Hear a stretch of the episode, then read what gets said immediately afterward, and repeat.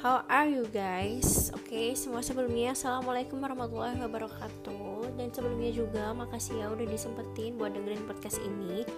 Yang mungkin sebelumnya kita pernah berjumpa di podcast sebelumnya di materi yang sama dengan materi tentang media penyiaran juga.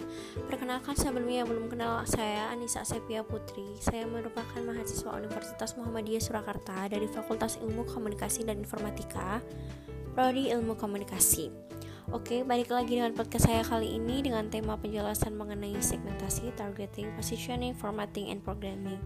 Masih sama dengan mata kuliah penyiaran yang diampu oleh Bapak dosen kita yaitu Bapak Dr. Fajar Junaidi yang tugas ini nanti akan digunakan sebagai nilai UAS di semester 3 ini guys.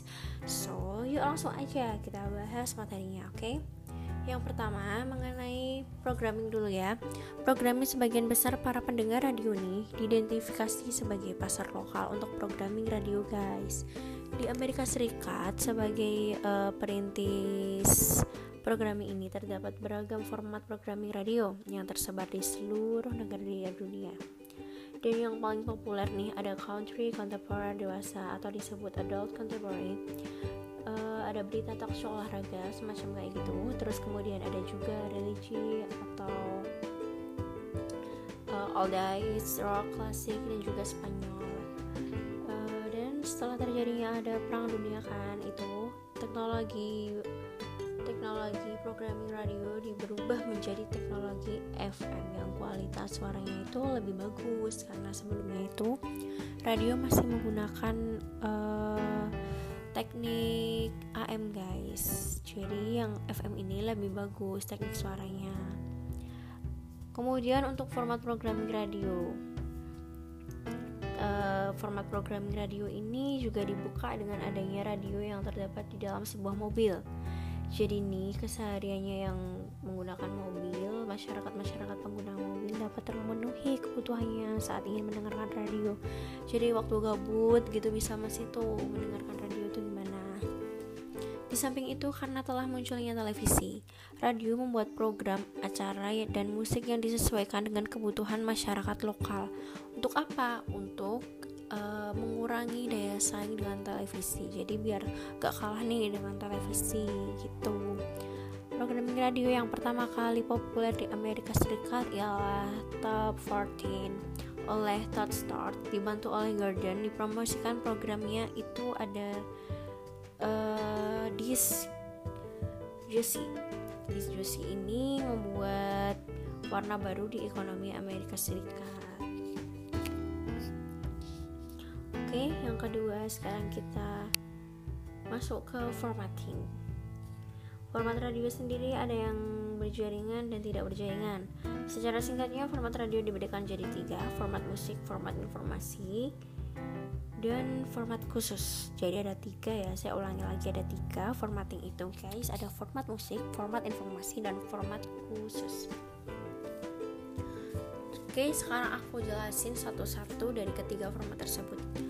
Untuk format musik sendiri diatur dengan cara menyampaikan genre musik yang ada. Jadi kayak dikelompokkan gitu genre musiknya ada misalnya ada pop ada dangdut ada uh, rock atau jazz gitu dikelompokkan dalam format musik. Jadi biar gak susah. Kemudian ada format informasi uh, di sini dibagi juga jadi dua lagi. Jadi format informasi itu dibagi menjadi dua juga yaitu dilihat dari dominannya. Apakah berita atau dialog talk news? Misalnya berita itu yang kayak berita biasa gitu. Kalau talk news itu biasanya juga ada narasumbernya juga. Ada narasumber ada yang mewawancarai. Jadi ada dua orang yang saling berdialog gitu guys. Untuk format khusus sendiri format ini ditujukan pada segmen tertentu mengenai etnis atau agama di sebuah radio gitu guys. Oke sekarang kita masuk ke segmentasi halayak atau segmentasi. Dalam hal penyiaran, segmentasi khalayak sangatlah penting untuk membidik masyarakat.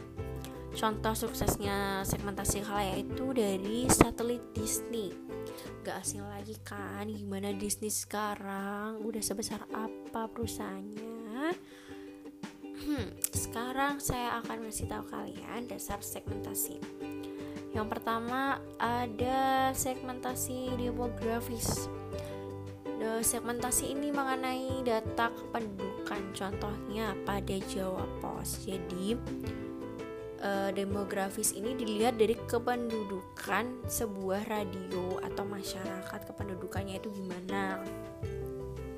Yang kedua kita mengikuti dengan segmentasi gender. Ada laki-laki ada perempuan contohnya seperti itu. Terus ada sesuai dengan pendapatan pendapatan. Pendapatan itu bisa dilihat dengan kelas sosial. Ada lagi juga geografis berdasarkan wilayah daerah ada perilaku khalayak yang dilakukan dalam periklanan. Jadi dengan menggunakan periklanan-periklanan gitu bisa dilihat dengan perilaku khalayak.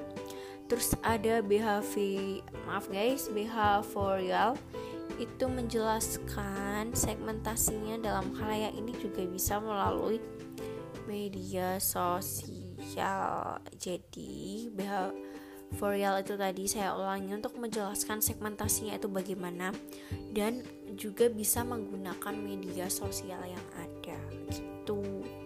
Sekarang kita masuk ke targeting dilakukan setelah perusahaan melakukan identifikasi beragam segmen sebelumnya. Jadi, targeting ini dilakukan perusahaan setelah maaf, setelah uh, sebelumnya itu melakukan identifikasi beragam segmen. Ada pilihan modal targeting nih, ada konsentrasi pada segmen tunggal dalam hal ini memilih satu segmen halayak saja. Konsentrasi segmen tunggal ini bisa disebut juga dengan single segment counter concentration.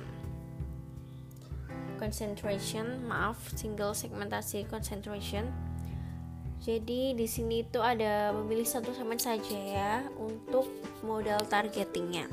Yang kedua ada spesialisasi secara selektif atau selective specialization dengan uh, mendeteksi beberapa segmen yang ada. Terus ada spesialisasi produk atau product specialization, fokus khusus pada produk tertentu ada juga sesuai spesialisasi market atau market specialization melayani kebutuhan kelompok segmen tertentu. Yang kelima, ada jangkauan semua pasar atau full market coverage, berusaha menjangkau seluruh targeting. Oke, sekarang kita lanjut nih guys ke positioning media. Positioning media ini merujuk pada citra yang terbentuk di uh, sebuah halayak di benak halayak dari merek media tertentu. Citra yang melekat disebut brand image atau citra merek. Tujuannya mengkualisasi suatu kata yang menjadi ranking dari produk tertentu dalam pikiran halayak. Sementara itu, alur positioning media itu ada identifikasi target halayak, menciptakan perbedaan dengan media lain atau produk lain, atau juga ada menciptakan keunggulan media. Pernyataan positioning menjadi penting untuk merebut hati konsumen. Contohnya, positioning media itu apa sih? Ada majalah Tempo dengan tagline-nya enak dibaca dan perlu. Ada RCTI dengan tagline-nya RCTI oke okay. dan ada SCTV tagline-nya satu untuk semua. Jangan pacar ya yang buat satu untuk semua. Oke. Okay uh, materinya udah sampai sekali udah udah sampai sekali udah sampai di sini nih guys. Udah selesai materinya. Semoga kalian memahami dengan materi saya yang ada di podcast ini. Sekian podcast materi saya kali ini. Thank you so much buat yang udah dengerin sampai selesai. Semoga bermanfaat buat kalian. Bye. Wassalamualaikum warahmatullahi wabarakatuh